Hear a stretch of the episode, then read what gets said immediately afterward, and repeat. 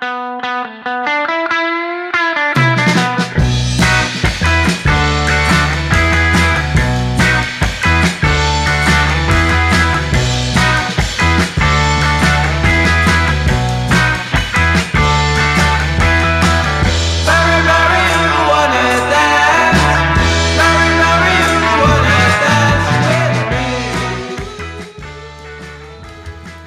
Welcome to High Tea with Dirk and Rens, the first Dutch podcast about cannabis culture. My name is Dirk Bergman. And my name is Rens Hoppenbrouwers. This episode is sponsored by Seed Stockers, affordable cannabis seeds for home growers, available at seedstockers.com. We are recording this episode at the original Greenhouse uh, coffee shop right here on Tolstraat in uh, Amsterdam. And we have a very, very special American guest at our table Master Breeder Shiloh Massive, founder of Massive Creations. Welcome to the High Tea podcast. Hey guys, thanks for having me. Thank you so much for coming over. Yes, Shiloh has been growing cannabis and creating new strains in the Emerald Triangle in Northern California for over 25 years. But he also have lived, he has also lived and grew weed on Hawaii, in Spain, and right here in Amsterdam. So, in this episode, we will dive deep into the art of breeding and the cannabis culture in the Emerald Triangle. But first, we'll discuss some of the biggest cannabis news stories of the past weeks. Uh, first and foremost, Colombia. It's on the verge of fully legalizing recreational weed. Uh, Luxembourg will vote on legalizing home growing before the end of this month, June. And Nepal's Minister of Finance has told Parliament why the country banned the plant in 1976. In the United States, the seven year court battle between uh, RAW and OCB rolling papers has come to an end, and cannabis farmers in Mendocino celebrate much needed reforms. And here in the Netherlands, the High Life Cannabis Cup, Europe's longest running hash and weed competition, was held for the 29th time. And the Amsterdam court has asked fundamental questions to the public prosecutor about the back door of our coffee shops. As always, you can listen to our regular segments What's in Your Joint Today, our history segment, listeners' responses, and the High Tea podcast Kweekhoekje. Our homegrown segment, or, and our homegrown segment. Sorry. This is High Tea with Derek and Rens, episode 76.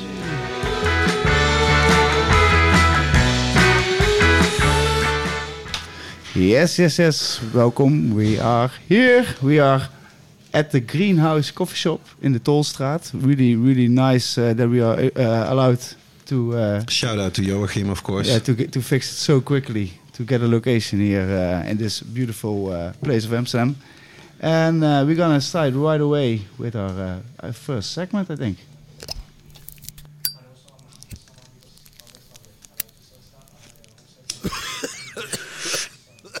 Wat zit er in jouw joint vandaag? And as always, we start with our guest, Shiloh. What are you smoking today? Well, like you said, we're at the original greenhouse, Tolstraat, today. So, um, of course, I'm smoking super lemon haze, Ah, nice one. which is great. Uh, very tasty, something we don't see in America that often. But uh, we love the haze. We love the sativas. We love the high.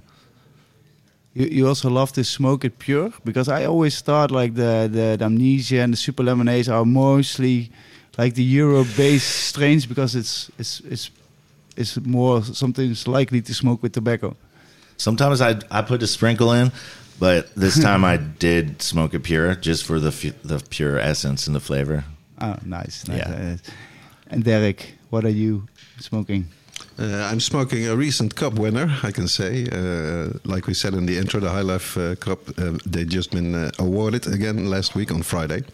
And the overall Weed Cup winner, uh, well, it's not the overall Weed Cup winner, but it was my uh, overall uh, winner. I think it came in uh, first for the hazes, but it's the it's the Black Amnesia by Dizzy Duck, and Dizzy duck, dizzy duck. and yeah, it has the famed uh, Dizzy Duck quality, I could say, and just a real, real nice smoke. And also, it was one of the biggest uh, buds that I uh, got in the sample bag this year for the High Life Cup.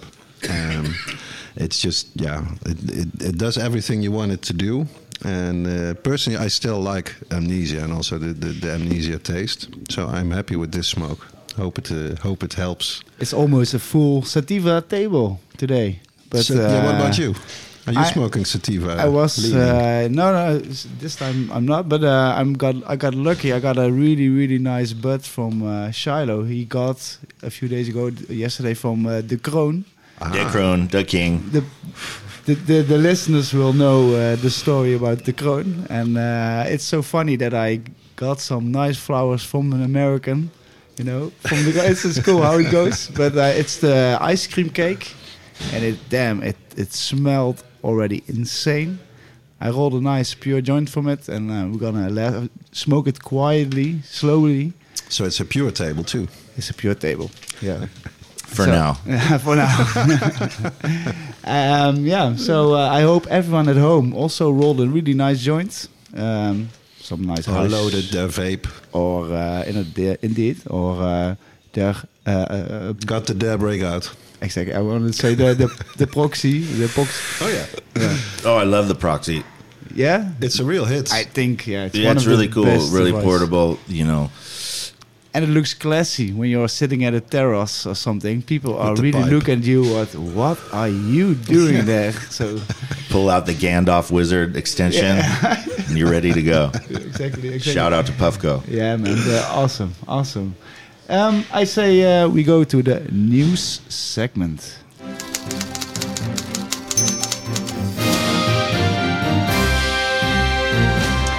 Yeah, let's take a quick tour around the world, starting in Colombia, the South American country that's one step away from legalization, recreational, recreational.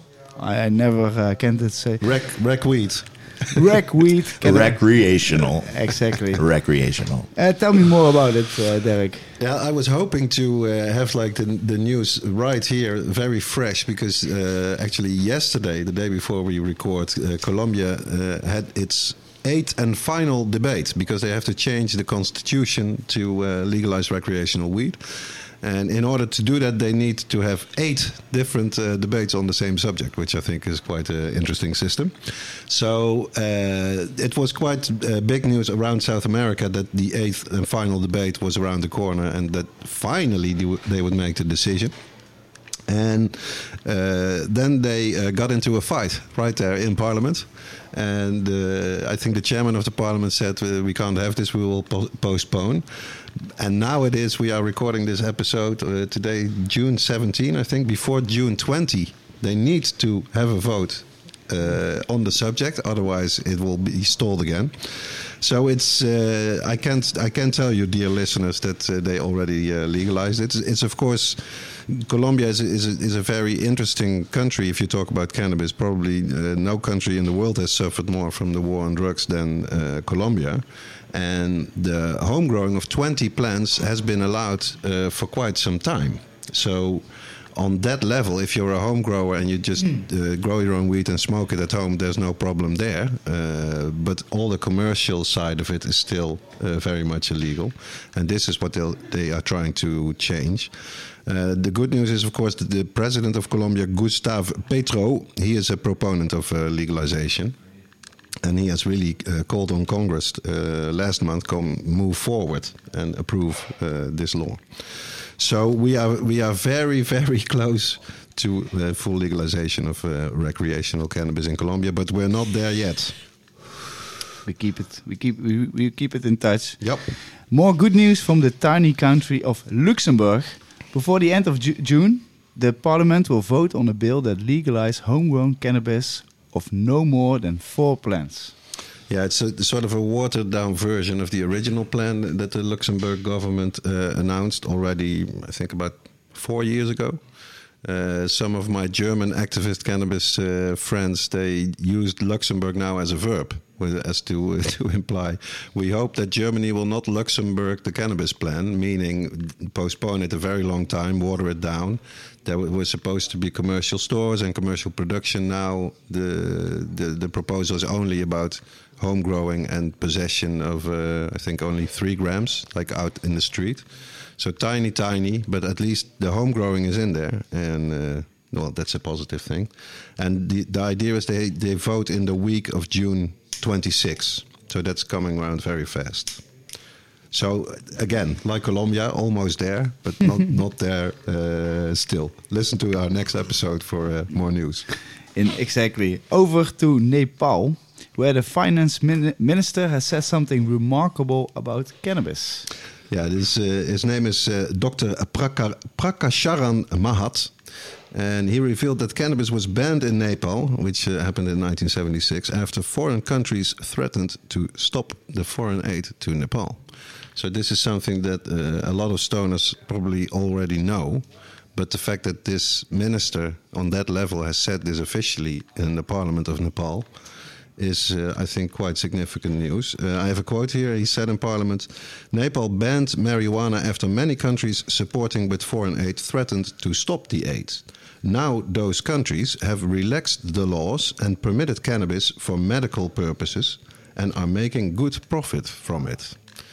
Uh, super hypocritical, how you say that? Yeah, yeah, yeah. To- totally. Uh, So this is, I think, is a very interesting uh, quote, and I, of course, this goes for a lot of countries around the world who have basically, uh, yeah, been been been coerced into uh, adopting the the cannabis ban where they did not want to do it themselves. So yeah, Nepal. Let's hope we get the fair trade uh, hash, the Nepal temple balls, legally, uh, in not too uh, too long a time. Yeah. News from the US, and probably Shiloh knows it uh, probably better than, than us, but uh, the seven year court battle between RAW and OCB rolling papers has ended. I think they, they will make a movie or a Netflix series about it because it's such a crazy story. Where you know the one company is trying to sue the other one, and then the the company is suing them back, saying no, but you are you know you're infringing on our copyright for Raw because I think OCB once made uh, the package look remarkably like the Raw Papers package, but the the OCB company was saying. You say you have a raw foundation uh, for cannabis activism. The foundation doesn't even exist. You know, you name this village in Spain where your papers are supposed to be made, but the, your papers are not made there, etc., etc. But it all, yeah, came to an end now. Raw uh, do, doesn't have to pay any damages, and so to me, it, it was quite confusing to find out what is the actual verdict and and what's right and what is not. And it says here that the, the, the, the jury in the, in the case has previously found Raw had engaged in unfair trade practices under Illinois, Illinois state law. And that jury also found the same claims did not violate federal law. So that's another uh, layer of uh, to, to the to the whole battle, whether it's federal or state level. Uh, but it seems at, at least uh, Raw has issued a statement uh, that they won and that they never did anything wrong, etc. Which papers do you like better? I never use OCB, to be honest, because it's never, I never really got It's not very big here in the Netherlands. I think you can't find it. I like OCB. Yeah. Yeah, They have so many different styles of papers. I like raw too in a pinch, but sometimes they banana out when you roll them backwards, like my good friend Rens told me. but uh, OCB, It yeah. I, I like the papers. I like the slims. I like the uh, the ultimate. They have a, a lot of the brown rice. They're very creamy, king size brown rice. I, it's it's funny that you say because uh, I, I never got the opportunity to to really uh, use OCB, but uh, you can buy them in Spain. Yeah, but indeed, like uh, yes, of two days ago, I was talking with Alessio, a good friend from uh, La Calada. La Calada. Also, uh, a news for the news segment that they opened a, a coffee shop in Amsterdam. hell yeah. so, uh, for everyone- the old catch. if uh, you ever, yeah, if you ever close to the Western Park and you need some good, good weed or flowers or hash, please go to the La Calada Catch 33. You will not be disappointed. Uh, but um, uh, he, uh, uh, we were talking about the Cannabis Cup I'm organizing in July. Uh, Uh-huh, the homegrown cup. yeah, and he, and I'm, I was I'm looking for some from some last sponsors, and he said, "Oh, I'm, I'm Try talking with OCB. yeah, I'm talking with the guys from OCB. They're sponsoring us, and why not?" So I hope this in these times I get the contact uh, with them and try to uh, to make them make them make them a partner or something. But uh, It- I got their number. Ooh. they sponsored, uh, yeah, they sponsored the Emerald Cup as well, so I could connect you. Wow. Well, see, it's uh, yeah, that would be uh, that would be amazing. Thank you. It's interesting, eh? because papers for for joint smokers they are really a thing. You know, what's your favorite? What do you use? Have you changed it? So I, I'm I'm really the really Gringo like, papers I like. the, the the brown ones, the hemp ones. I, li- I like Gringo as well. Yeah. I think, but to be honest, the the one I s- smoke like always is raw blacks. I, I don't know, but I from in my head they they have the most less side taste or, or Uh-huh. whatever. And for example, Gringo, yeah, it's like a, a, a paper company from Tilburg, like uh, the city where I live now, and yeah, they are for me the best second, you know. Uh-huh. But they they really focused the last five years on their outside packaging and the, Mm. like bio and all those things, and also the the, the paper. It's is super good, but like their design is only for the design Uh-huh. instead of really to make the paper burn slowly Mm. and without anything. So I told them because I, I know them very well, like please focus the next five years On on, the paper. Yeah, and you Yeah. will be one of the best. You Yeah. know, I'm sure you have a good you have a good uh, base point. So Be no, Dutch, roll Dutch kind of thing. I'm sure I'm gonna try the OCB uh, just to have also op- opinion about it. I never really tried them, so uh, I can't say. But I'm they are I think one of also one of the legend brands of the world. yeah, for sure. Yeah, Over to Mendocino. yeah. Some positive news uh, from your region, uh, Shiloh. Cannabis farmers in Mendocino celebrate uh, reforms following a desperate plea to local authorities earlier this year. Uh, did you follow this? Oh, was that the ban? The ban in Redwood Valley? They were trying to ban cannabis, and uh, No. Yeah, also I think it had to do with like uh, higher taxes and all the paperwork that's needed. well, there Small needs to be farms refer- out of reform. I don't know exactly what they did, but yeah, the whole system in Mendocino County has failed. The majority of farmers have left. Families, you know, had to relocate, and uh, even the sheriffs are like the worst thing that ever happened to this county was cannabis uh, laws that California made. So yeah, it's a really sticky situation because I've lived there so for so long, and uh, it used to be such a place of uh, you know I wouldn't say affluence, but you know it was a, a small community that worked well and it was well funded, self funded, you know, and then uh, legalization came in and then pushed all the small guys out, and even even the big people up there can't survive because there's a acreage cap, so they can only grow so much. Oh, okay, so the small farmer is uh, The fucked, small but the farmer is gone. also- Okay, The small farmer has relocated. You know, there's there's always a few of them hunkered down like ticks up in the hills and still getting their way and, and doing it. And uh, you know, there's always a fluctuation of prices up there, but um, the majority, the big truck era is gone. When everyone rolled down the streets in giant four x four trucks, and yeah, that's uh, that's Is a this- bygone era. Is this something that you sort of expected before legalization uh, finally was there? That this could be a risk, or did you think legalization yeah, will be good I, no it, what? it is definitely. It was like it's done. You know, a lot when it started, it's the end. You know, if you don't mm-hmm. adapt uh, and, and and change your current situation, it, it's over. And uh, otherwise, you know, with when the legalization came in, the first thing to go out the window was compassion. Hmm. And, and and and in California, especially, the whole i- industry and cannabis movement was built on uh, helping others uh, that were in worse condition than yourself. So one of the first things to go out the window was compassion, and it was traded for greed. And then on the greed system, it failed as well. So we're stuck in the middle trying to figure it out.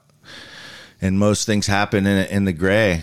You know, people keep existing. Even even the legals. The legals are the most black. You know, Okay. but like it's made this. It's made this uh, new pirate market. Pure to survive. Yeah, it's. I Uh, mean, people do what they do. yeah. So would you say that the average uh, stoner in California will still buy black market weed mostly, or, or unregulated? I've never bought them. any. I've never bought anything from a club. Maybe once or twice, but you know, I don't know about other people. But yeah, I think most people have a guy that Still, they've been going yeah. to for a while. You know, and there's you know with the social media, there's a new guy every week. Trapper's delight, and uh, it's it's really easy. So I don't really. You know, the thing is, you go into the clubs and you come out, and the taxes were more than the product. Wow. So it's pretty discouraging. And when you go to the black market, you know someone's kids got fed, and someone's rent got paid. Yeah, instead of just huge company. Having a new BMW at the garage. Yeah, that's totally right. That's true. Now, this, this a report from the uh, LA Weekly from uh, recently, and they they write after years of struggle, Mendocino cannabis farmers finally have something to celebrate. And while advocates have searched for solutions for years, it would all end up coming down to a few short months, leading to the progress that started with a desperate plea from farmers to Sacramento via a letter in February, highlighting the perils of being a farmer in Mendo. And indeed, it goes on to say how sad it is that the legacy cultivators are just, you know, but like you say, they either stopped or moved out, or they are definitely not. Uh, yeah, it's not positive for them how the law changed, which is uh, sad, of course. Yeah, that's that that's fucked up. Yeah, totally true. But do you think there's any positive things you you see coming up? If- Is it- is it all is are the people all negative about it or Prices are going up. Prices are going up. You know, there's still movement. Um, a lot of things happening. A lot of things happening for people in the right position. You know, uh, yeah, there's definitely it's still it's still moving. But uh, like I said, ad- adaptation. If you can't adapt to your situation, then you're going to drown. yeah yeah So learn Yeah. new skills and, and and take take some risks and try new things. A lot of people just left weed in general. They went on to do other things. Maybe they had a law degree that they weren't using, and they were growing weed instead, and then they went back to being a lawyer. Or That must be a quite a, a life change to go from that to that. who who knows what's happening in the Netherlands? What's uh, when's the experiment starting? But anyway, our um, we end our world tour back in the Netherlands. Uh, the High Life Cup of the High Life Cannabis Cup ceremony took place here in Amsterdam last week. Uh, I wasn't there, but uh, you were, uh, Derek. How was it? Yeah, it was a it was a nice party. Also, uh, great weather as well. And well, what struck me, uh, I said before, I'm uh, I can I can uh, uh, say it now because I have the, the list before me. The the the black amnesia that I'm smoking indeed won the haze category, but the Weed Cup overall weed winner for the first time was um actually an imported USA strain. Peach Champagne, entered by uh, Kramer's Coffee Shop in The Hague.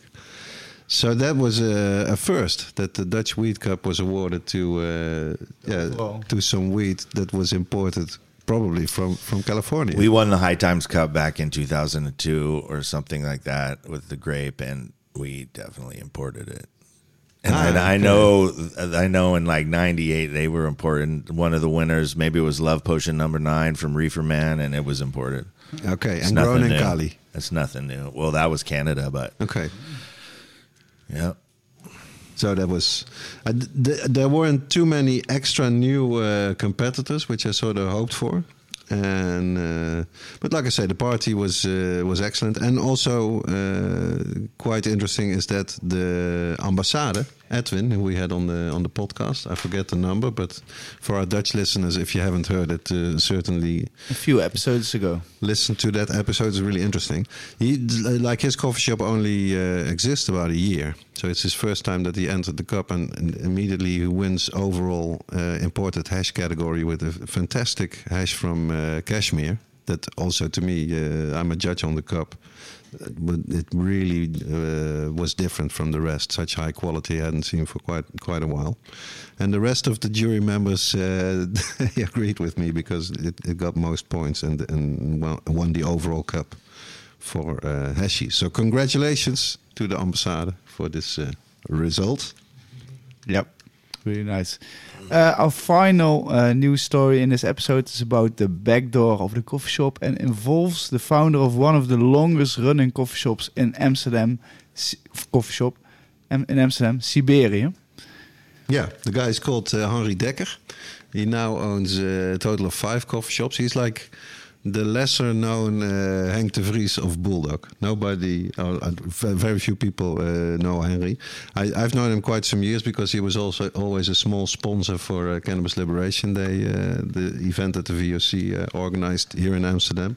And he was part of the documentary Neder- Yeah. Nederwiet, the he was movie. in, he was in uh, Nederwiet, the movie as well. It's, So he's, it's like a Dutch Dutch documentary about uh, the back door from Yeah, so ten years ago. I would say he's like a real uh, a real weed warrior, and uh, I wrote also my weekly column uh, about this this case uh, last week. All the coffee shops in the Netherlands uh, owe it to uh, Henri that they don't pay any value added tax on their cannabis because way back in the 90s he figured if cannabis, and it is an illegal product still, formally it's an illegal product in the Netherlands, it's only tolerated. So he said if it's illegal product, you cannot put any uh, value added tax on it. And he took it all the way to the, the court of the European Union and won. And ever since, no coffee shop has to pay any value added tax on their cannabis. Imagine, like what you said, that now in California, sometimes it's more tax than you pay for the weed itself. But here it's exactly the other way around. It's like 0% tax on there, thanks to Henri. And now in a backdoor case, he's again, uh, he chose to go on the offensive. Uh, they found 46 kilos in his house. Uh, our foreign listeners uh, might not know this. Uh, if you have a coffee shop in the Netherlands, you can only have a maximum of 500 grams, so half a kilo, in your coffee shop. So for all the strains put together, all the hash put together cannot be no more than 500 grams. This makes no sense whatsoever. Most coffee shops, especially here in the center in Amsterdam, of course, they sell a lot more than 500 grams every day. So they need an outside stash. They need people to go from the stash to the coffee shop. They can be ripped at any time. You know, uh, the the stash can be found out. It's it's just a stupid system. Um, this is why uh, uh, Henri Dekker he's, he, he he went uh, to the newspaper and he said that I'm just so sick of this bullshit because the damages that the damages that he makes when the police confiscate his stock in the stash he can deduct it from his tax declaration. And the tax office is okay with it. So it's really one sort of imaginary bullshit uh, policy. So when they found the 46 kilos, he only got a very mild sentence for it, only uh, a community service and then conditional community service. But still, he uh, he took it up to a higher court. And the, the news now, the recent news is that the higher court has asked the public prosecutor a few fundamental questions about their backdoor policy.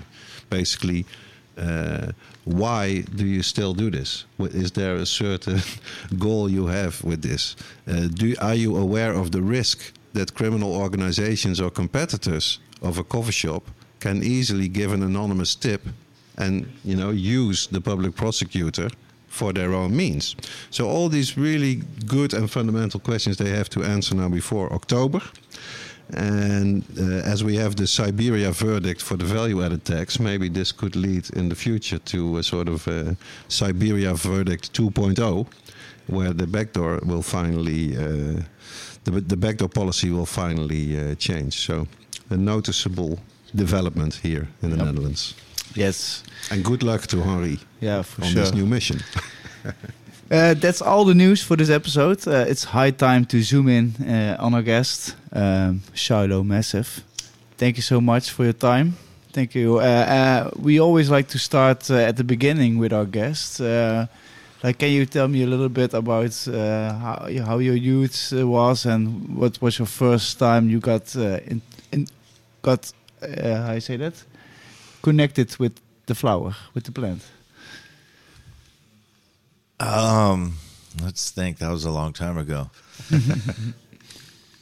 I What, don't. what kind of a kid w- were you? Yeah, I don't know if it was my first first can, but there's some early experiences. I mean, I was uh, my my father was an admiral i- i- in the merchant marines, so I grew up in Singapore and New Zealand before I, well, I was born in America in the desert of Reno, and then spent some time in my youth uh, growing up overseas in overseas schools, and then came back to to America. I, I think I I found cannabis maybe 14, 15 years old, and I was uh, I was staying with my cousins in Arizona, and uh, my uh, uncle had some High Times magazines and some motorcycle magazines, and I was like, my my cousin was showing me the magazines, and she's like, "Look at this!" And in the back of the closet was like a garbage bag full of just light green fluffy buds. Oh wow, he didn't only read about it. And then uh, we were going on a trip with my grandfather uh, just around the country. He was driving us, and and this cousin, they were two cousins. She was a little older than me. She's like, you know, uh, grab some of this. So she grabbed a couple handfuls, and I grabbed a I grabbed a handful, and I grabbed a High Times magazine. So like that High Times magazine. And, and this was the 80s. I don't know what year the magazine was, but it was it could have been a, like a throwback, but it was like my my guide into that. So we spent the summer sneaking off smoking this weed in a little uh, antler pipe when my grandpa wasn't around. So that was really like my first experience. And and when I got back home, I was like, oh, you know, I gotta find this. I like weed. And then what I really liked is was learning about it and the stories in the in the magazine and stuff. And I'm like, wow, you know, I want to have, I want to grow this stuff. I want to have it forever. So it's like the obvious idea is like, oh, you can you can just make seeds and you'll have weed forever. So in, in my mind, even from those early days, I was like, oh man, I want to like get the genetic code. I want to save this. I want to like have this for the rest of my life because it was like such a magical uh, thing to put in your life, especially at that time. And so, when did you actually grow your first plants? So And where did you get the seed?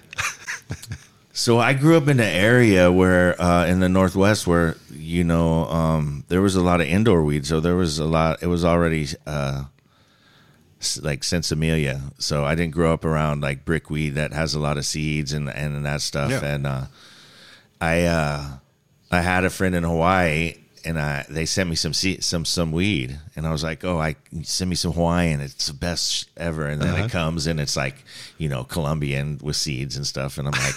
okay well you know it's still cool. This is from hawaii you know. Um, and we took the seeds and we were we were probably in high school and my friend had a girlfriend and they had like some cow pastures up in washington. And uh, you know you get these big hungarian blackberry uh, bushes and you can kind of like tunnel into them and like use it as a fence to keep deers away so we grew some of these colombian hawaiian seeds in the cow field with uh, you know there's cow patties so we throw those on top of the soil we lived in a like an area where there there was water right there so you could catch fish we'd catch fish we'd cut them up and put them in the dirt and kelp big bull kelp we'd smash that up and uh, totally organic.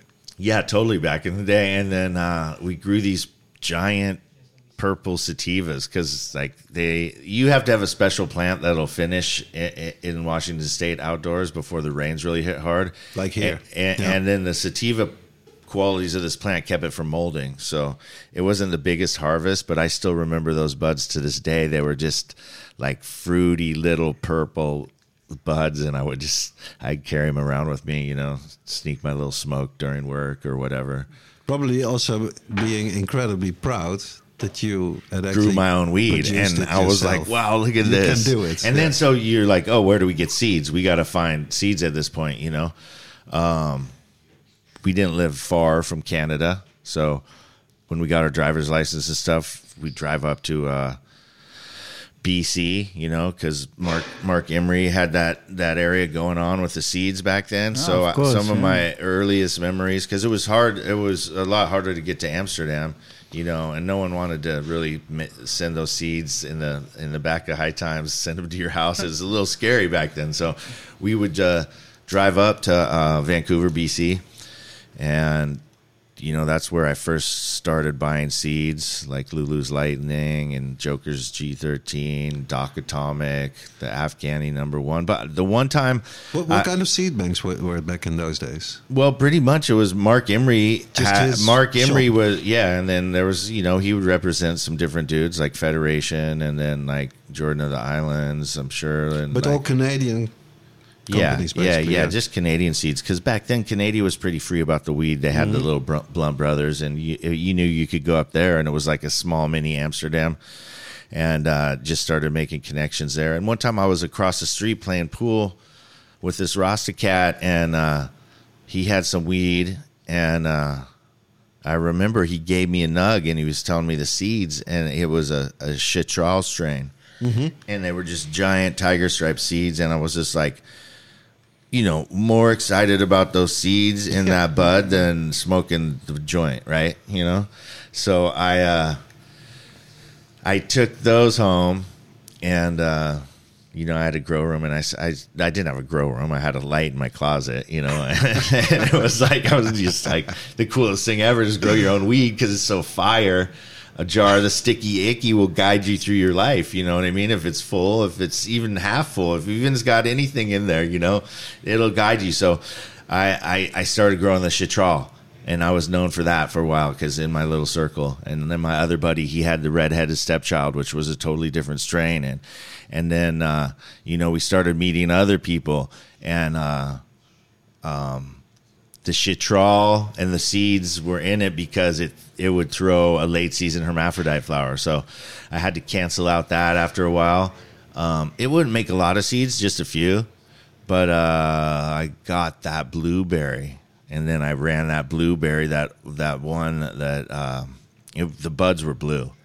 I'm, I'm gonna say it, it's not DJ Short, but it was a it was like uh, it was a blueberry with blue buds, and I ran that exclusively for the next five years. With the taste, really the taste. Oh, bro, it's not the most strong weed. It's strong enough for most people, but the flavor, yeah, the, those terps are non-existent to this day. Exactly, You know that that that was a very special. I got, I got chills thinking about that taste and those terps. Um, and so so uh, I had that at 430 Son Agron in my closet, and then after I grew a couple crops of the chitral, I mean, I was selling to my buddies. I bought another light, and this is this is the era When- you when you wouldn't drive to the grocery store. You would Yeah, take yeah, a yeah. bus there or something. Well, when was this in the time? Um, this is I would say this is in the '90s, um, early '90s, Hmm. because I graduated in '89 and I was pretty self sufficient after that. Um, so I sw- I got two Sonagros and I was just blowing up my closet and it was like coming out. I had this uh, plastic tent built around it and then, you know, I'm like, this is going good. And then I got a house with a basement.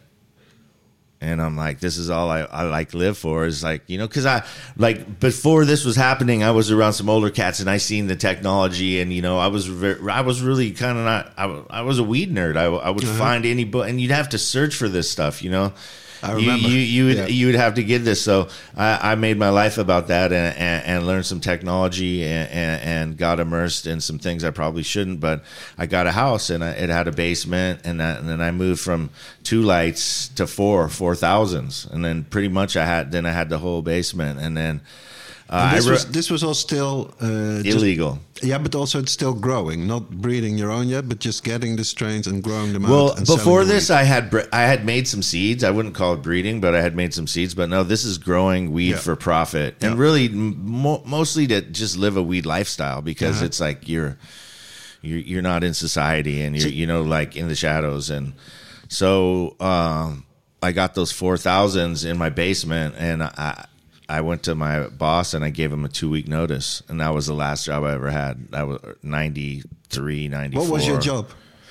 I I sold juice, Okay. Odwalla juice. You know, Uh-huh. it's a it was a fresh juice at that time. It was now by, bought by Coca Cola, but I had a route, and I would I would cruise around, and I had I was a route salesperson, and I just managed the juice sales. You, So- you skated also a lot when you were young. When I was younger, yeah, and I kind of got back into it uh, uh, now, you know, but you know, always is kind of skateboarding and snowboarding. What interests me is like, um, d- did you make that decision like consciously? I'm, I want to do this also professionally. I, I want to make this my job. I'm going to tell you. So when from did this come? Yeah. In high school. So from that high times, I, I got into high times because it's like the stories in their era was crazy. These guys were hiking and soil them on the volcanoes of Hawaii, like well, all the smuggling stories. I'm like, Yeah, it's great, I, I like that, and uh, so you'd have to go to like uh, Tower Records was the place in, in in in Washington where you could find high times, and they'd always have it up with the porno magazines, and you'd be a kid, and you'd have to like be like like reach up there with the pornos, and then you you're like reading the this high times magazine. So I, I I religiously read that and found anything I could, and so one of the issues of in high times and I was in high school because I remember hiding the magazine in my class in my book, and uh, it was about the cannabis castle in Neville. And I'm like, dude, this because I knew about Neville. Like, it's like, of course, like you study these dudes, you know. And I'm like, man, that dude's got strains from all over the world in this castle. That's cool. He's growing them indoors. Like, that's like. I want to. I want to do that. It was I'm a like, fantastic story. Steve Hager story. I, yeah, I Steve. Hager. Yeah, Shout out to Steve Hager. And uh, I'm like, I want to. Ha- I want to do that. I want to be the Marlboro of marijuana. I want to. I want to make these strains. I want to. Ha- I want to. There's. I want to have these seeds forever. You know. I want to have this weed forever. I want to feel high like this forever. So that was more to like just have them. You know. I, at that point, I don't know if I was like thinking about really selling them, but definitely about like preserving them. Yeah. You know. Yeah. Get into collecting, really. Getting to collecting, Yeah, traveling the world, like all that stuff, you know. Uh huh. Going to exotics, real exotics, you know what I'm saying? Like Yeah. traveling across the world. Yeah, like we said, you, you also, I think uh, you started uh, outside, uh, like uh, mainland America, growing on Hawaii. Can you tell us a bit about that? Okay, so I graduated from high school. And then I'm like I'm I'm check it out. So my pops, I told you he was the admiral in the merchant marines. He when they got divorced, he moved to Hawaii and uh I I you know I didn't see him too much time, too much in my life, but he was like, "You should come to Hawaii and learn how to surf." Da, da, da, da. And he passed away shortly before I graduated high school. And then uh, I'm like, I met this girl, and I'm like, she she was going to high, U, University of Hawaii, and I'm like, I'm gonna move over there. I'm like, so this must have been '90 or something because I wasn't fresh out of high school. So I sold my truck and I had some money from working, not too much, and I moved to Hawaii and I got a couple jobs and I was going to college too, and like you, we all know that the Hawaiian bro, and it's like I was getting some chronic from these dudes, and then I met this guy. He was from the Big Island, and he's like, "Oh, my family, we just grow the weed. Uh, that's what we do over there. Juice them with the mangoes. You know what I mean?" and I'm like, "Fuck, dude." And I, I would. A lot of the, if you didn't get the chro- super chronic, a lot of the weed there still had seeds. Can I be? Can I A lot. ask stop a stupid question maybe? But what, can you explain uh, uh, me a bit what the chronic kind of weed was? So like the chronic would be like the imported sensimilla. Yeah. So like a lot of the Hawaiian, whether it was Colombian or if it came from somewhere else, it had seeds in it. you know. Ah, okay. So like the, by the chronic, yeah, I just mean you're paying more to the guy to get the seedless fire. But like I was more excited about these different types of nugs that I'd find with seeds. So um, I started growing them on my lanai, you know, and, and that's your balcony. So I, I would just grow a couple out there. And my guy from the Big Island, Shannon Chai, he would he was teaching me the ways that his family did it, you know. So ah. it wasn't like I had fields and fields, but I was just uh-huh. like, that's you know, where you know I really started like Well, you Building the plant. Yeah. Yeah. Interesting. Yeah, because that was yeah that was before all the light in my closet stuff. Uh-huh. Yeah, this was earlier, so it was just like um, being amazed by just watching the plant grow. Like this is the plant. Watch. Oh, look at that set of leaves. Oh, that's the male. Oh, cool. You know. Yeah, you can watch to it every day. Eh? Every every day the plant is different. But the idea then was to wasn't to grow a big plant uh, of weed on my, my balcony. I wanted to make more seeds, so I'd have more of them. So that's probably where I started first making the seeds. Later, I, I segued into just growing the flower for profit. But I was making seeds in Hawaii on my balcony for sure. Yeah. Nice. So when did the uh, did the switch come from from producing to thinking "Hmm, I want to be making my own strains, basically? Although I don't think that you can't use that word anymore, can you? Strains because it's not accurate. No, it's e- everything is now uh, in cannabis related. It's uh, What do you use, do you use the word or do you like? Yeah, I mean, I, I Still use it just because it's part of what people say, right? So Yeah. it's like, It's a bit like indica and sativa. yeah. yeah. Where I think technically, if you use strain, it's for like a Yeah, it's something else. Yeah, for it- sure. Yeah, it's something else. Um, but but how did you make this step? Is is the question?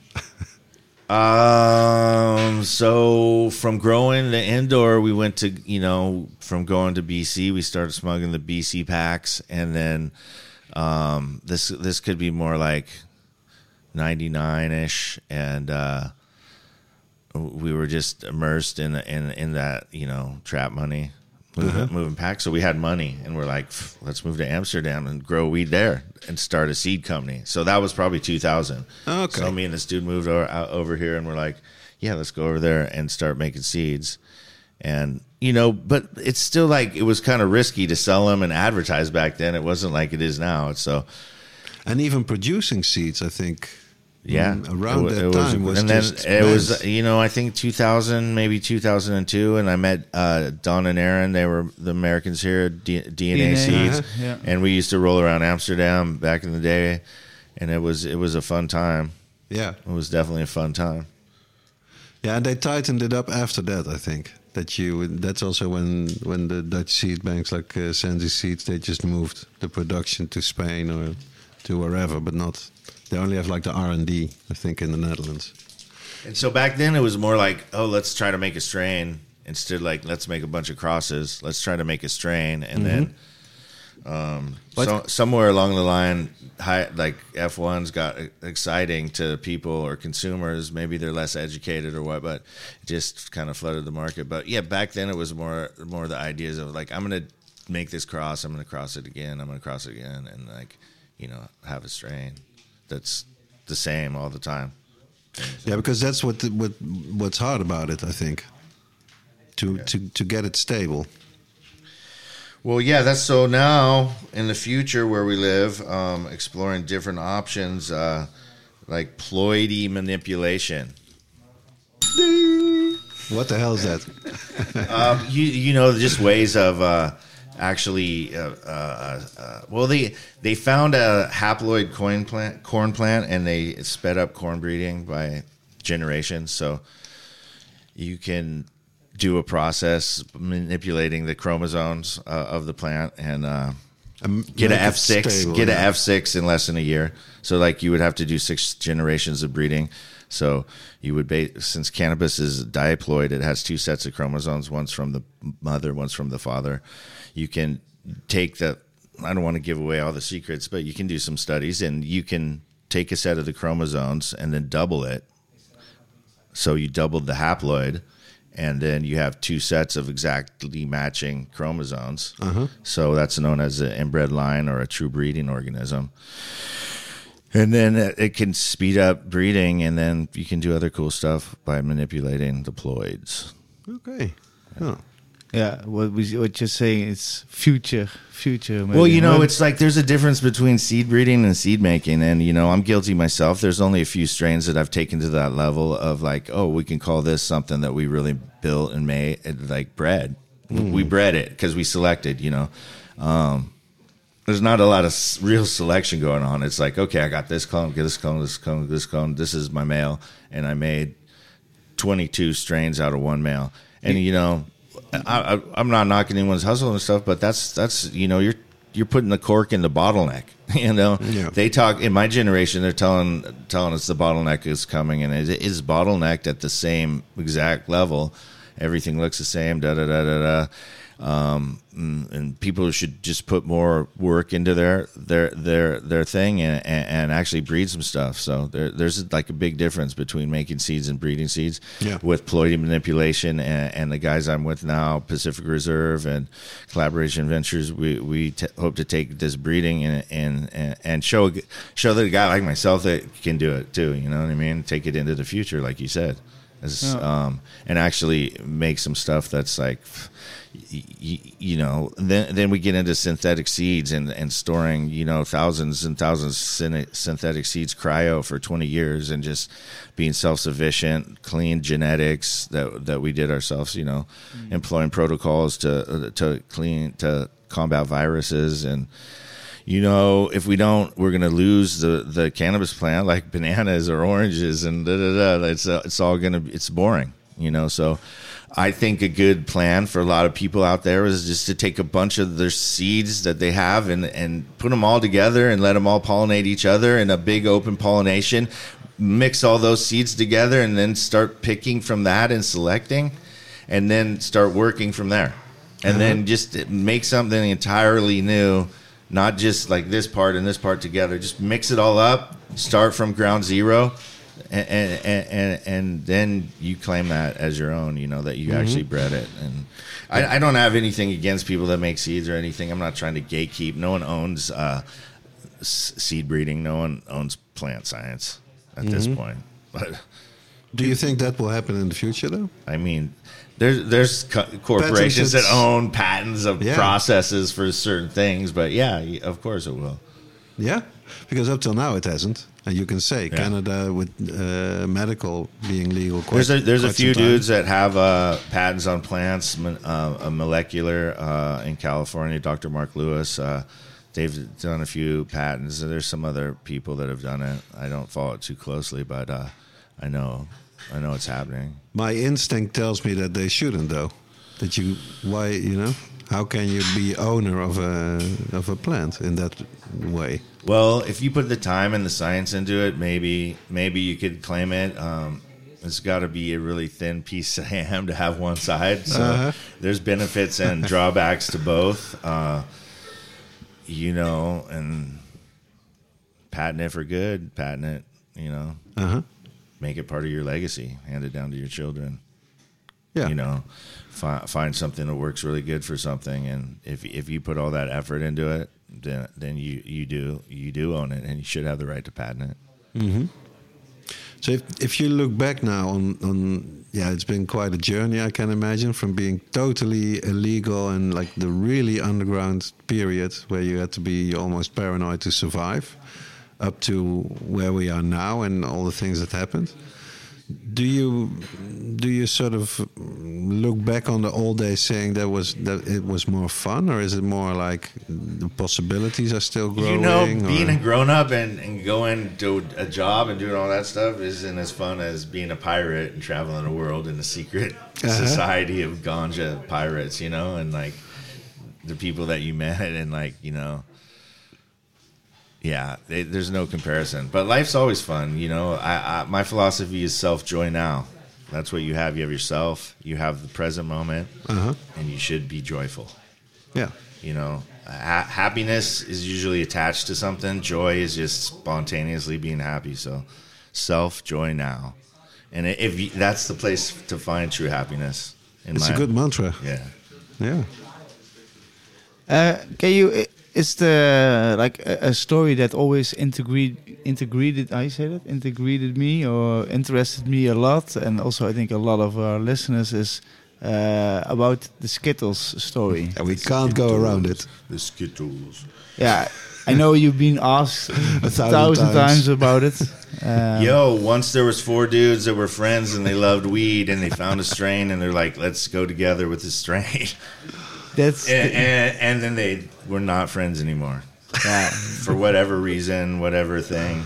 No, but I, I, I, I- I understand that it's it has a little bit of a bad uh, end of it, or m- maybe not. But uh, I, I mean, I don't see it bad at all. I mean, the whole world loves it, and uh, yeah, yeah, but, it, bring, it brings happiness to people. So Yeah. why should we fight against it? But yeah, can you can you please go back to the time and maybe explain me your feeling when you for the first time smoked that flower and you thought, what the fuck? I hope. I mean, the story's so connected to some things, but before, man, It's I don't. also- it's, it's just a it's a sticky situation. But I remember when I, I hit it the first time, I was like, damn, that should that there's nothing that tastes like that in the world. I was like, you know, it was it was amazing. You know, it was amazing flavor, and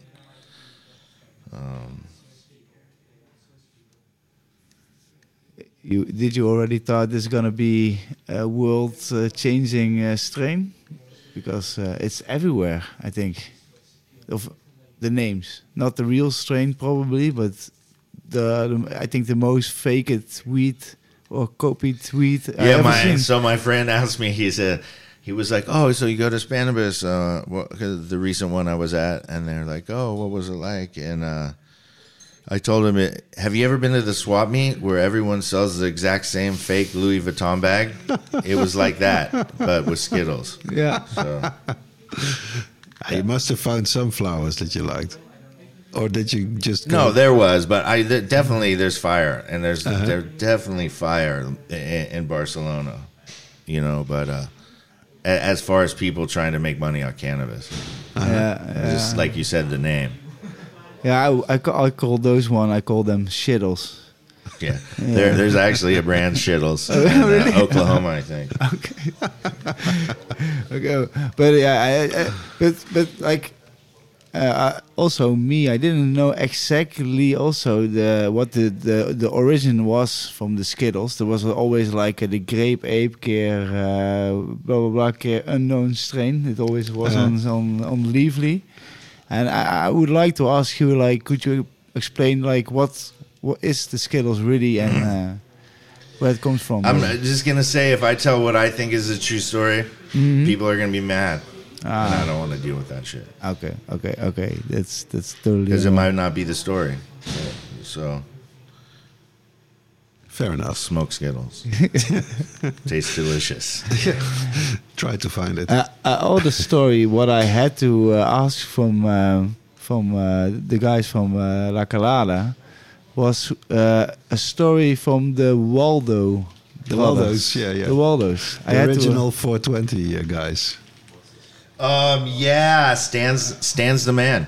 Um, they're legends, and somehow our paths crossed, and uh, we're friends, and uh, it's pretty cool. He's an he's a he's an interesting guy, and uh, I don't know. We were at we, we were at 420, and we were at Terrapin Crossing, which is was, was owned by Phil Lesh. It was closed after the COVID, but you know, a Grateful Dead restaurant and stuff. So Yeah. it was a it was like a 420 party. There's music and everything, and uh, you know we're chilling with Stan. That's that's the first time I met him, and it was an honor to me too. Everyone's like, "Oh, we want to want to meet them." He's a little bit elusive, but uh, it, it was a funny story that night because. Uh, we were leaving and I was over on the phone in the bushes and my whole all, all my friends were like that I was with were there and this, some guy comes out on his scooter deadhead dude and he's like word on the excuse me word on the lot is that's John Mayer over there. And I was like come back. And he had ridden off and my friends were just laughing. I was like what? They told me the story. And so everyone thought it was John Mayer and Stan chilling but it was me. And, I, I'm not John Mayer but it was it was, it was funny. Uh, really nice. Can you uh, maybe uh, tell us a bit about the, the the Shiloh Massive brand and name Yeah. and how where it comes from? So um, I'm sure a lot of people know about Eddie Lepp, rest in peace, and uh, uh, somehow it could have been. It was it was right before I moved to Amsterdam, but I ended up moving down the street from Eddie Lepp, Wow. it's really like a village here. and. I went I I went to uh, California because it was like, oh, now they're opening up the weed, and and uh, I was in this situation where a student loan repayment program, so you could choose a rural place, and they would pay back your student loans. So I looked at the map. Uh, we were living in Wyoming, and there was a place, Nice, California, and it was really, really close to Mendocino County, where all the change was happening. So that's perfect. So we went to this place, which is actually actually Nice, and, and Lake County is like known for methamphetamines, which I didn't know at the time. But um, you learn. so I get there and I see this thing. Oh, get your medical uh, doctor's recommendation. Da, da, da, call this number. So I call the number, and they're like, "Yeah, come over on this day." And so, you know, uh, I'm like, "Okay, I'm gonna go meet this doctor," and I get the address and I'm driving up and I get to this metal gate and I'm going up this big dirt road and as I'm turning uh, the corner I look over and it's like 300 ganja plants. So back then 300 plants right there in the open. That's crazy Yeah. you know. And then I get up there and, uh, you know, I had my nice shirt on because I'm like, oh, doctor and shit. And Eddie Lepp's up there, and like, you know, he his doctor is like Vietnam doctor. Um, like he he looks like uh, Arlo Guthrie, and there's other people up there, and uh, you know, I, I started to to get to I got my medical, and I started to know Eddie, and then. Uh, we started growing weed together. I was I convinced him that I knew stuff about weed, so he brought me on and he gave me an area to grow my own weed, and and, and through that we went on to uh, to grow like 30, 40,000 plants right there on the side of the highway. You know what Eddie Lepp did? He he fought the you know he he put it to him. Yeah, I, I, but can you explain a bit about Eddie Lepp for the people that doesn't know? So he he's a Vietnam vet, and then you know he in the compassionate era of cannabis, uh, you know he he thought he could figure out a way to help people and and farm weed so people could you know pay thirty dollars a pound or something. So basically. He through his uh, g- garden, he was selling little plots where you could have eight plants. You could come up and buy eight plants. That was the thirty thousand plants. Is eight, eight plants per person. You come up, you get your weed at the end of the year. So he's trying to provide the weed really cheap for people. Is what he was doing. It's a bit co- comparable huh, to the social club Social- I idea. was thinking exactly the that, same, that yeah. we have here in Europe. But he was a Vietnam vet, and he was like he was there to. His motto was "fuck the rules." So, you know, um, I forgot how we got into that. To that. What was the original question? Where was I going with this? about uh, about your name. Oh, Shiloh Massive. Yeah. So yo, So and then Eddie, Eddie, this is like you know I'm into reggae music and all this, you know, and I'm like, okay, Shiloh is actually a biblical term. Uh, yeah. So? Eddie didn't know Yeah. much, uh, you know, uh, about Rastafari, but he, he he liked the vibe, and I'm like, you know, I'm I'm listening to every day. I'm like, bust this out, uh, uh, Buju, 'Til Shiloh, and at the beginning they have that, you know, he does that little chant, and Uh-huh. 'Til Shiloh, I chant Rastafari, and Eddie's like, I'm gonna start calling, I'm gonna start calling you Shiloh. and so that's and and it's like okay so and my wife at the time was the head of mental health of, of the of the county we lived in. So i couldn't just be like this is my name because they it would go back. So this is the era of aliases. Yeah, and i have yeah. never really told this story. It's a good one. But so it's like alias cool. This i'm shiloh. And then i gotta get something that goes with that. And then uh Unfortunately, I was driving up there one time with a bunch of weed and money in my car, just going up there, and I, I'm going up the driveway, and you know, I get to the dirt road, and I'm I'm hitting the bong, and um, I, I look around, and I'm like, damn, who are all these cowboys? He must be doing like a clinic for people down in the valley or something, where you know they're more cowboyish, and I, I'm like, oh. Damn, I see the back of the guy. I notice guys have a gun. I see the back of the blue jacket, the yellow writing, DEA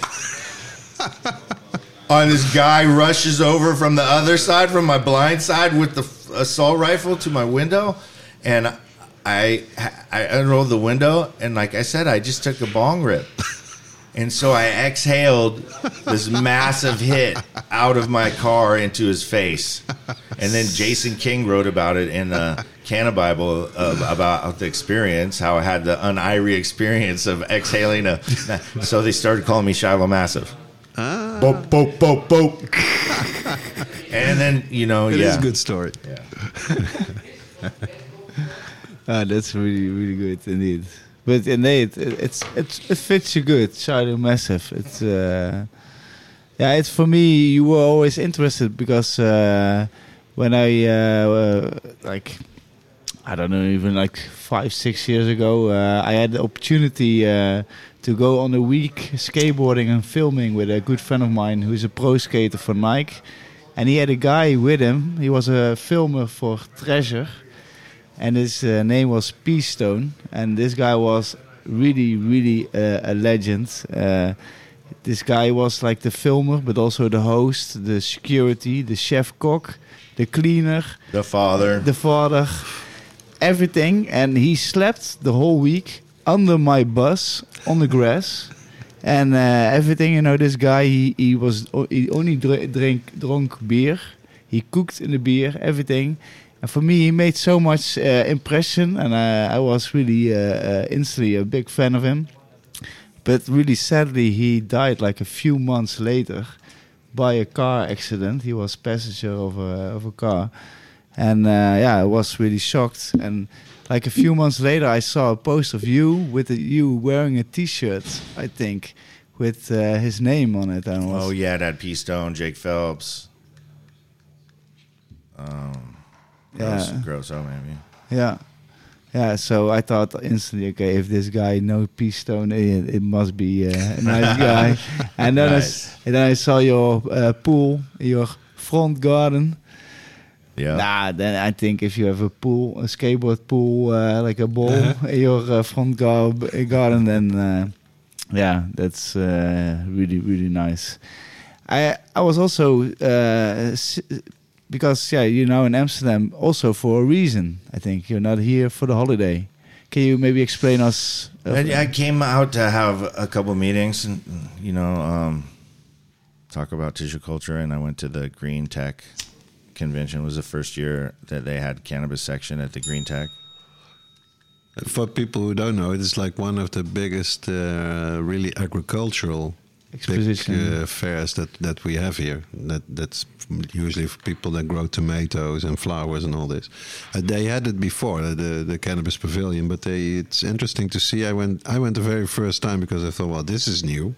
How are they going to do it? And then it was quite tiny. This segment where they had the, the medical cannabis uh, corner, but you did have uh, already in the beginning Dutch passion seeds there alongside big big companies that always were very shy, very much shying away from cannabis and not even answering questions about it.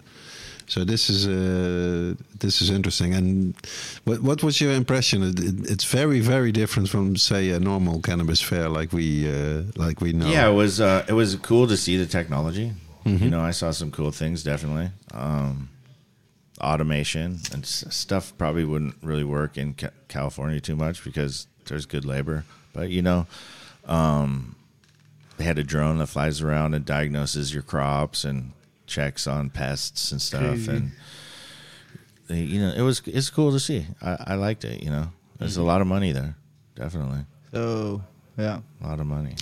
for me it's always been interesting like how does it work if like the like they say that the dutch uh, growers and uh, from all the other uh, kind of uh, vegetables and fruits Uh-huh. are like one of the best from the world you know they say Yeah. right True. so i'm super curious like if the core growers from the cannabis industry will collab with them But and- this it's starting to happen already. Is my uh, impression. yeah yeah yeah Just this week, the, the news came out that Paradise Seeds. You you might uh, know the company. Luc, one, right? Yeah, yeah. Luc Krol, uh, one of the older uh, seed companies. He is in this new sort of uh, program together with these big firms like Delphy and Philips Lighting. So all the outside cannabis world uh, companies to make this sort of uh, knowledge center together and someone indeed reacted like yeah they they they're doing it again again to find the best way to grow cannabis like on a sort of a scientific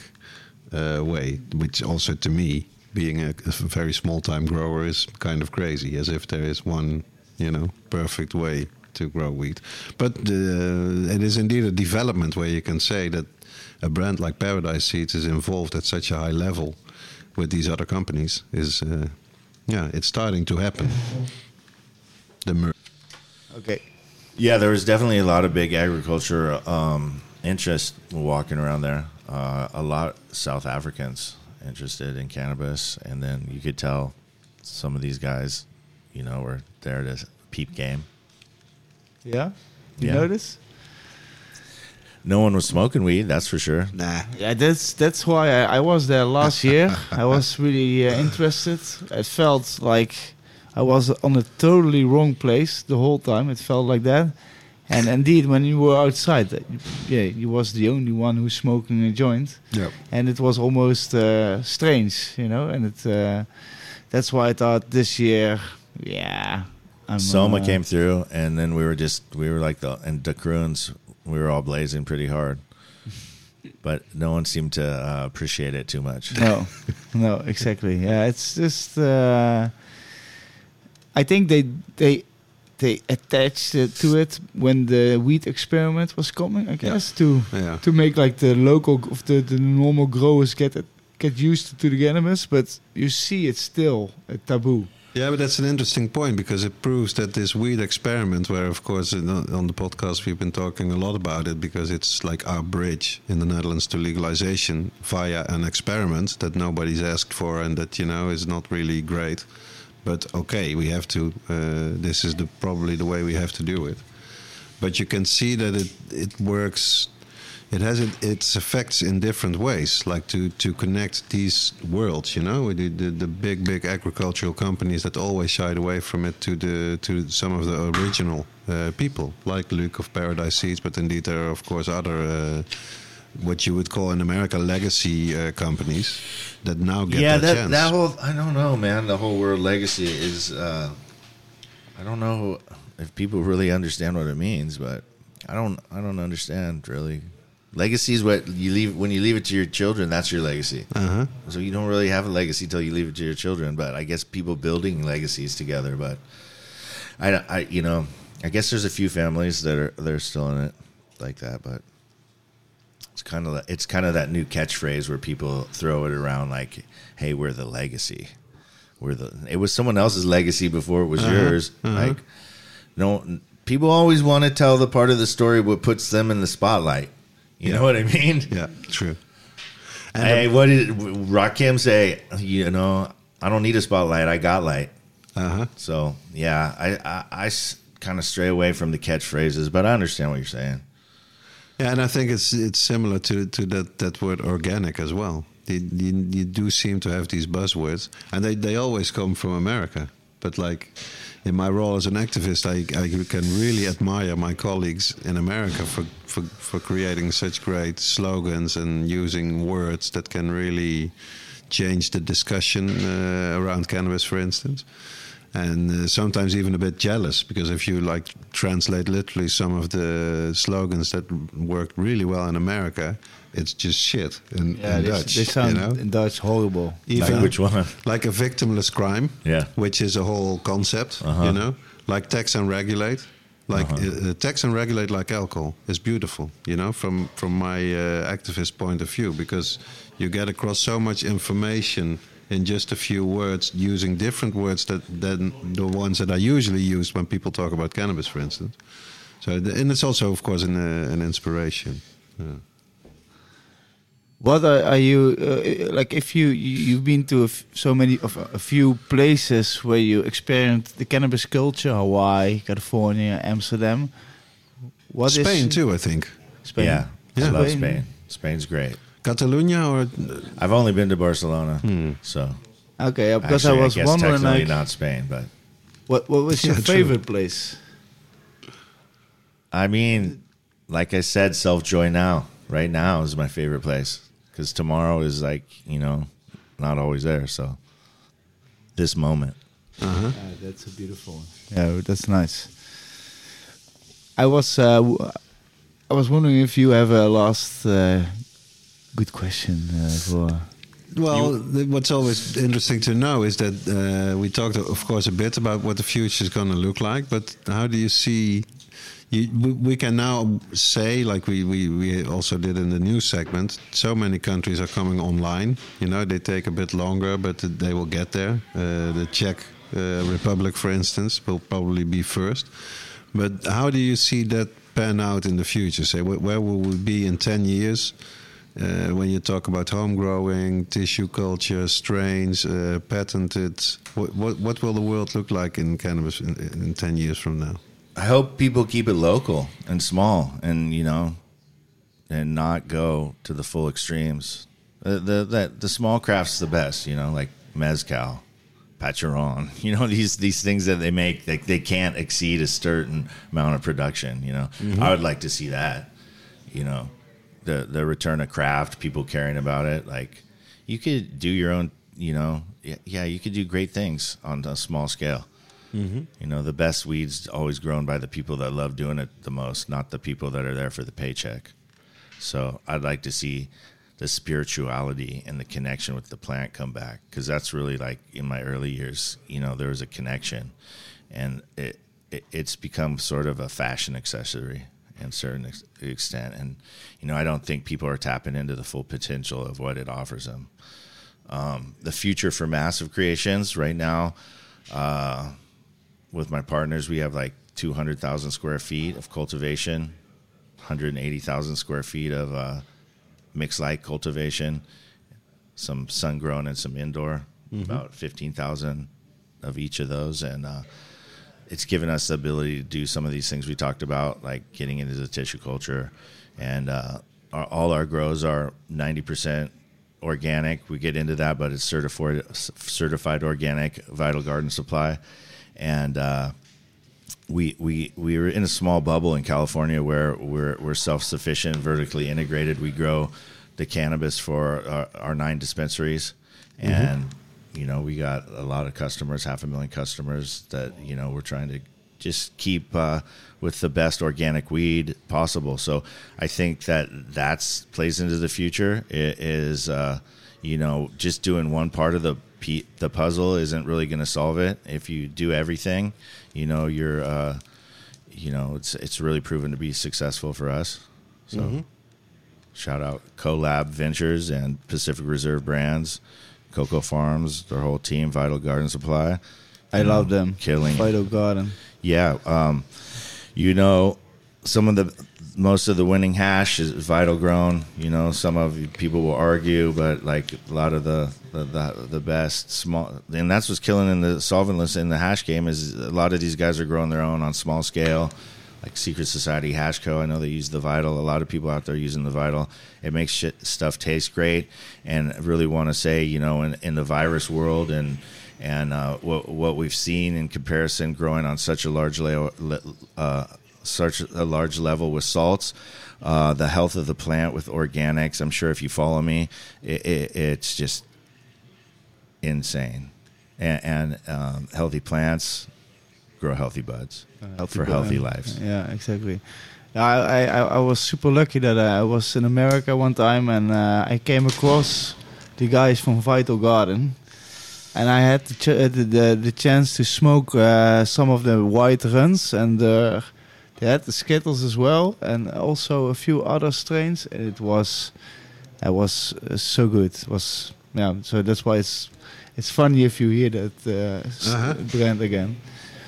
But I, what I was also wondering, like, what kind of strains are you focusing in your uh, in your uh, place? Like, Yo, so right now we have uh, over 30 strains in, uh, you know, uh, I guess you'd say pheno hunt stage. We're, we we started uh, groups of 35, maybe 40 different strains, and we're looking through those, and then. Uh, we're gonna you know we're like going back to what i was saying is like oh a lot of people this plant will go with that plant and this is the one so we're gonna take into account uh, genomics and do some leaf testing and, and, and understand the can the the the the plant a little better so what would line up more? You know what's going to be the highest thc so we're dealing with traditional you know plants that aren't really high in thc we can use some genomic lean leaf testing to see which one most likely will have the highest thc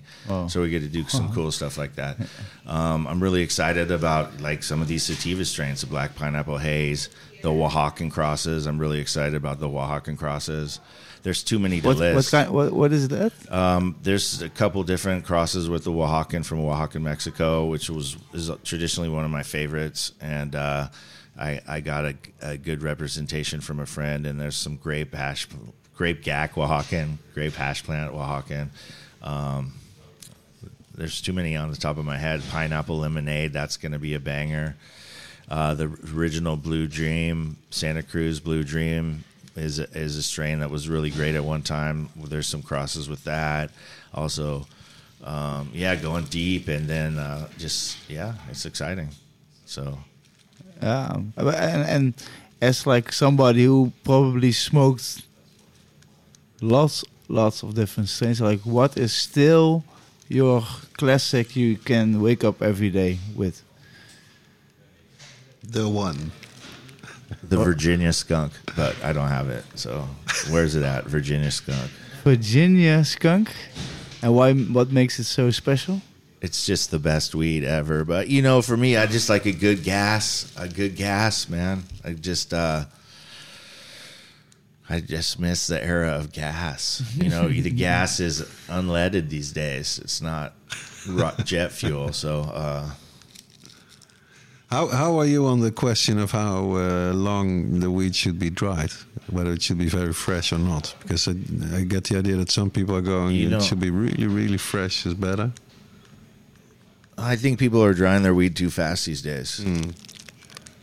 You know, there's drying and then there's curing, and the, the two processes together take some time. You know, Uh, a lot of people just try to rush it to the mylar and get it to the trap yeah. and that's that goes into the other thing is is what you know we're we're concentrating on is terp preservation and terp education you know um, educating more people about what terpenes are actually smoking they don't even know that they like this terpene so um, terp preservation we've all you, you got all these grows and then they grow the weed and then they trim it and they put it in a tub and then it sits at you know we always had a sack of weed and we put it in the glove box and then we went and came back from the mall on the wrong day and you know half the terps in the bag were gone just in one day. So i think the cold chain is going to come into play in large production you know it, it, it definitely should.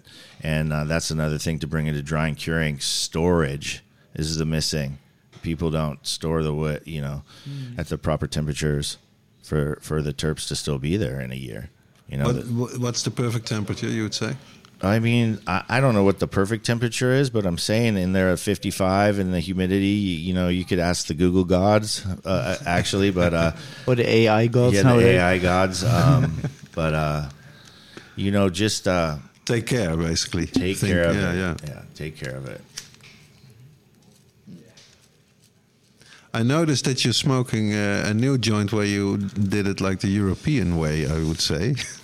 Mixing some uh, of the devil's, uh, the real devil's weed tobacco with some hashies uh, from I did. I love it. Dirty spliff.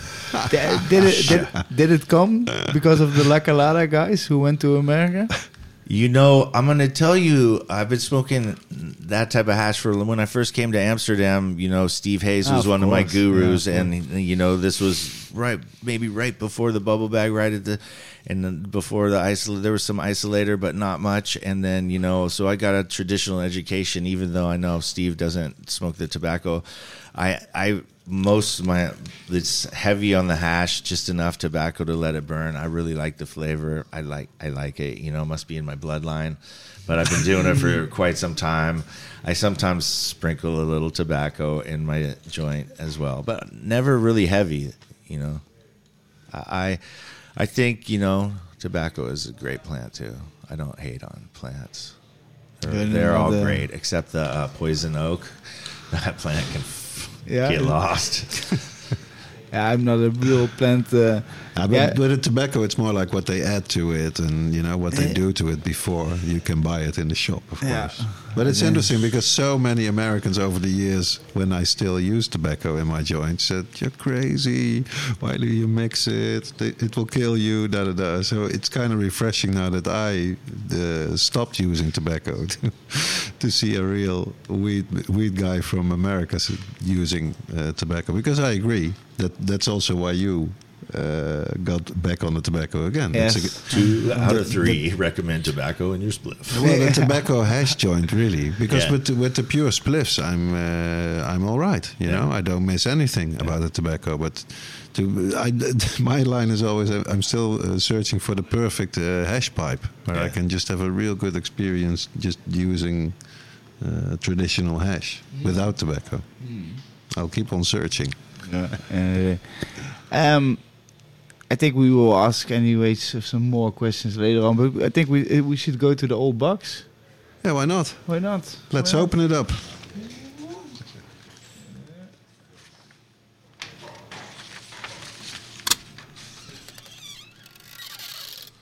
We took the old uh, box all the way uh, to Amsterdam here in the in the greenhouse on Tolstraat.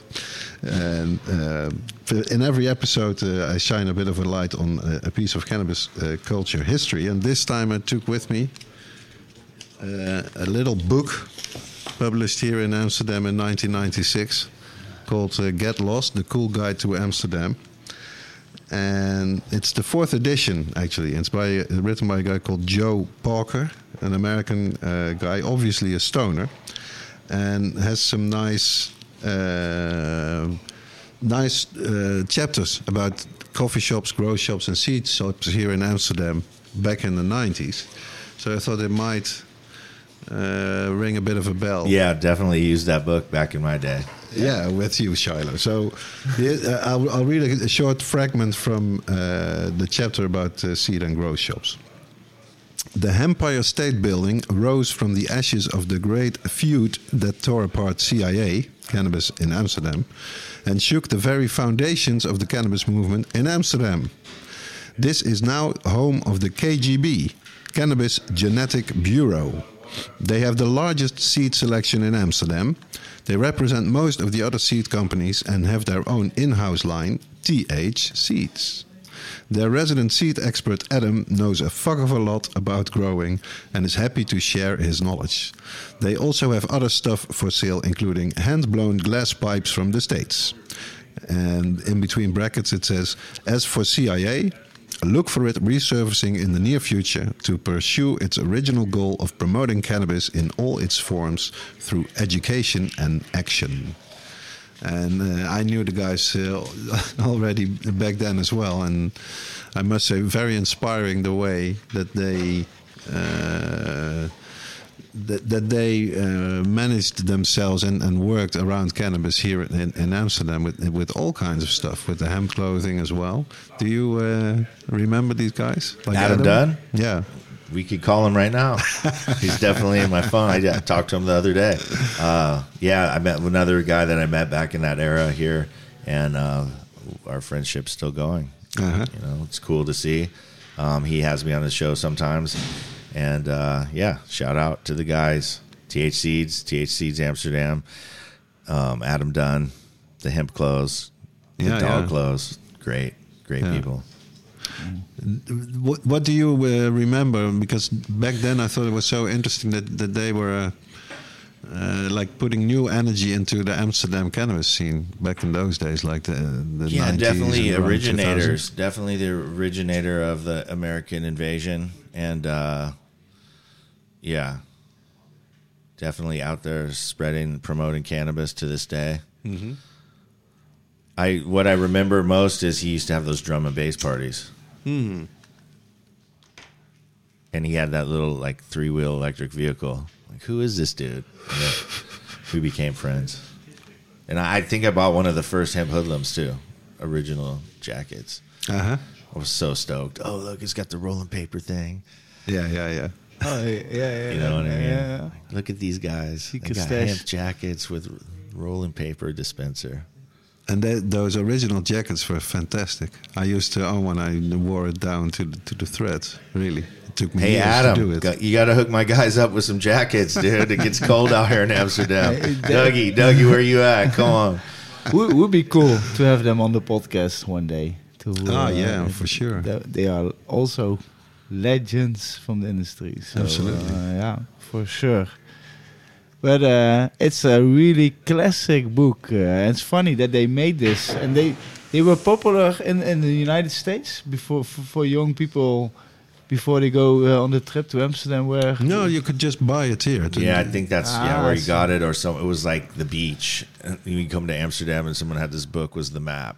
you Yeah. know? yeah, yeah, yeah. This is okay. it's so funny because it's like really pre-internet. Yeah. Now you can find it all. It's no Like, problem. how did we find this stuff? We had to like look at maps and street signs and like, crazy little books? get lost. uh, like exactly what we did. Even with the book, we got lost. yeah. Yep. Ah. because it does have maps in it. And what I also Yeah. liked about the book, that it has like a good chapter on uh, sex as well, on the prostitution and the red light area, uh, uh, area here, where he's really. Um, I like the way he instructs the tourists to say.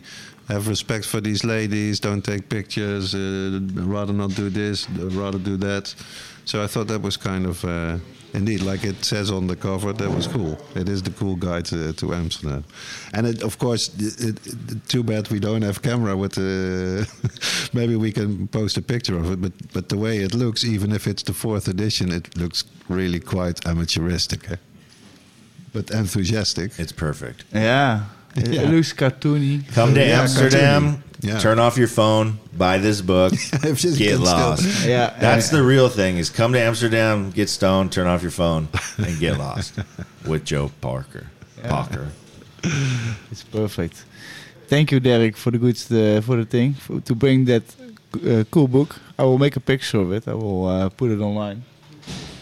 I put it. I have to remember that also. Uh, I'm I'm such a bad for marketing and all this kind of things. But we uh, continue. We put it on the Instagram. Yep. We continue.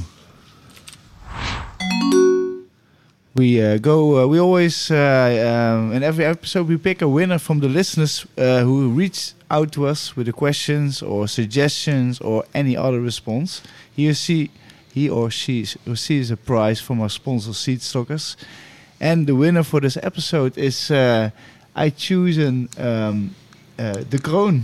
The Kroon himself. Be- because he sent me a, a, a message like, uh, "Hey, if you are uh, with Shiloh, can you ask me how he liked the flowers and uh, what he thinks about his flowers?" Oh, bro, fire!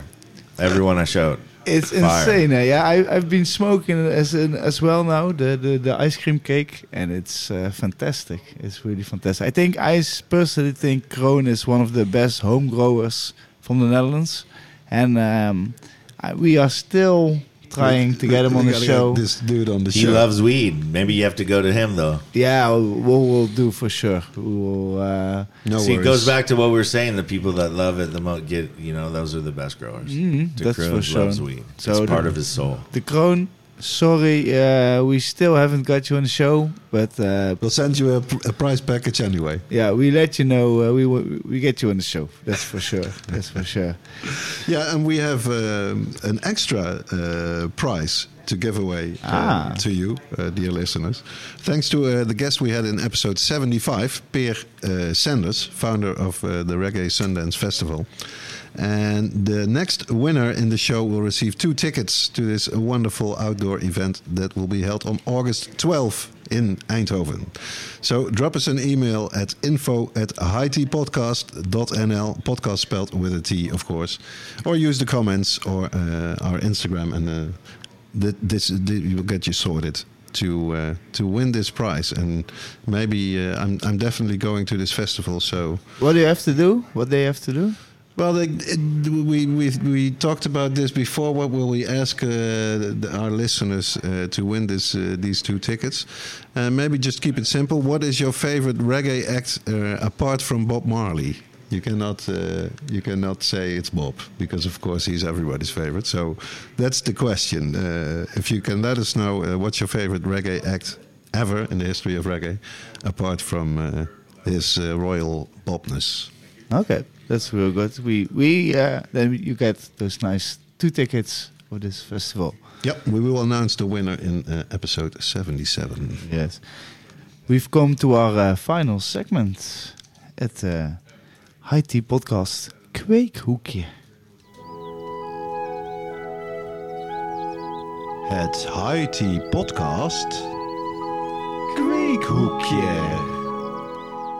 Yeah, in one of the earlier episodes uh, in the High Tea Podcast Kweekhoekje, I explained that I was going to try to use uh, old coffee grounds to mix with my soil for my wheat plants. And uh, I can report uh, this uh, has been a total uh, disaster. I probably did something wrong. I had to maybe uh, put it in a compost pile a few months before because the the few pots that I tried it for experimental. Thank God I didn't do it with the with the other plants. They are like uh, they're turning bonsai. They they don't grow at all anymore.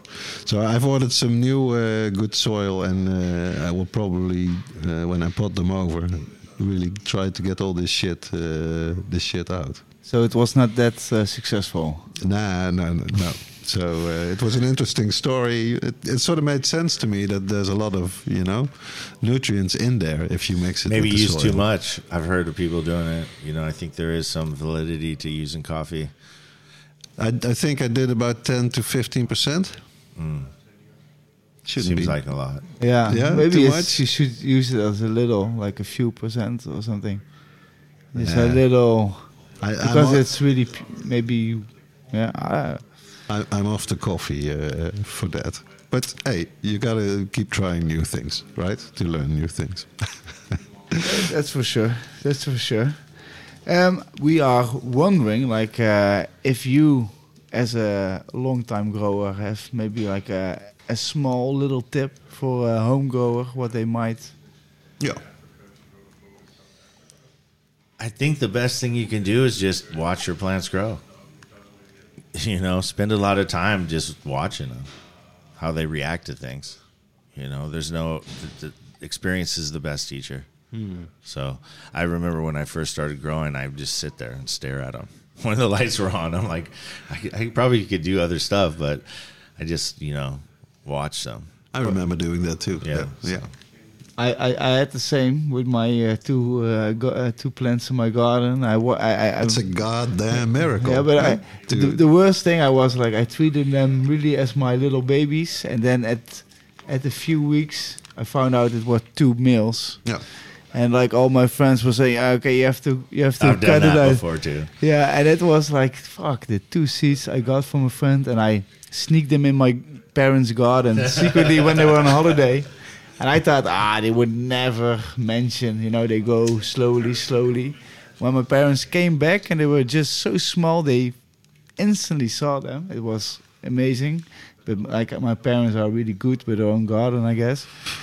But uh, and they let me. Uh, they said, "Oh, you can grow them. It's okay. It's okay." So I was super hyped, and then, damn, when it started flowering, all balls got. Uh, and, uh, but well, it was a nice. Uh, it was a nice experience, and you- also you, learn. You learn. it was a beautiful plant. Uh-huh. I love the the the, the dark green uh, Uh-huh. uh, leaves from it. Uh, I loved it a lot. What's your general advice on that? What- To use either regular seeds or like feminized seeds or auto seeds? Maybe kind of hard to. Or is this mean- cursing in the in the church? Yeah, I don't know. A lot of that's just more for commercial. I know people don't want to; they can only grow one seed or that. But you know, there's some good feminized seeds out there. But I would go regular. sometimes, yeah, you, you just have to grow a few more, and, and and you know, the best. I think it's the best way. Yeah. I, Yeah. I think the problem with breeding out there too. People are like chucking pollen on fem autos and da da da. This fem crazy breed, like it's like let's come on, let's Yeah. keep it the way it's intended to do.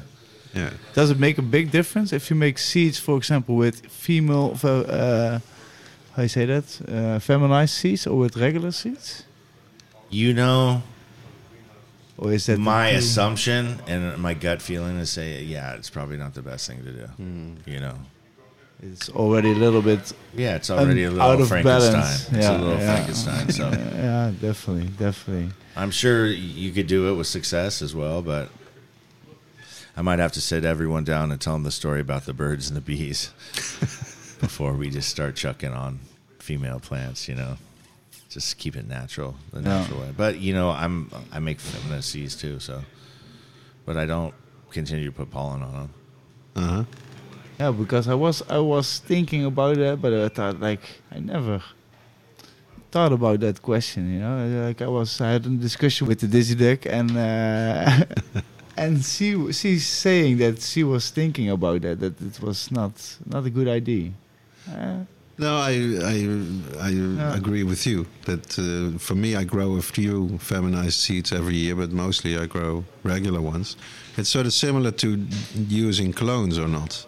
To the the whole idea of having like a natural seed and a, plant that's stronger, that's more resistant, you know, than a clone could be. Especially if you buy a clone somewhere, it's that's also illegal here in the Netherlands, but okay still, even if you could buy it legal, there's always a chance. You know, you you're not super sure. So start from the from the beginning. Really, it's all start with the seed. so start with regulators, regulated seed. Um, yeah, well, I say uh, I I think uh, we, it's uh, it's the end of this uh, episode 70, 60. Oh my, 76. 76. Seventy-six, dude. Oh man, I had I, I had it wrong also in a way. Uh, I, I, yesterday I had a, a rough uh, bachelor party uh, from a good friend of mine, so uh, I'm already happy.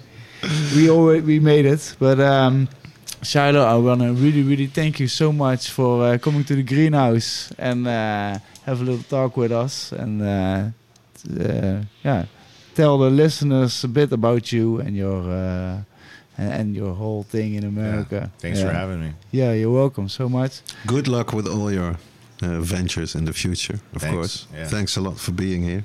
Thanks also to our sponsor, of course, of this episode, Seedstockers. Thanks, Joker. Thanks, Jouke, and the guys over there. Thank you, Rens, for uh, standing Thank in for. Simon, doing uh, all the technical stuff today. You did great. A little bit, uh, sometimes uh, off, off, but uh, yeah, we keep on working. Thank you all for listening. Yeah, thank you. If you have any questions, suggestion, response, whatever, please send us an email or a message on uh, Instagram, and we will get back to you. You can help us grow the High Tea podcast by hitting the like button, subscribing, and telling your friends about the show. Yes. People, have a very great one. See you next time. How do it? Bye bye.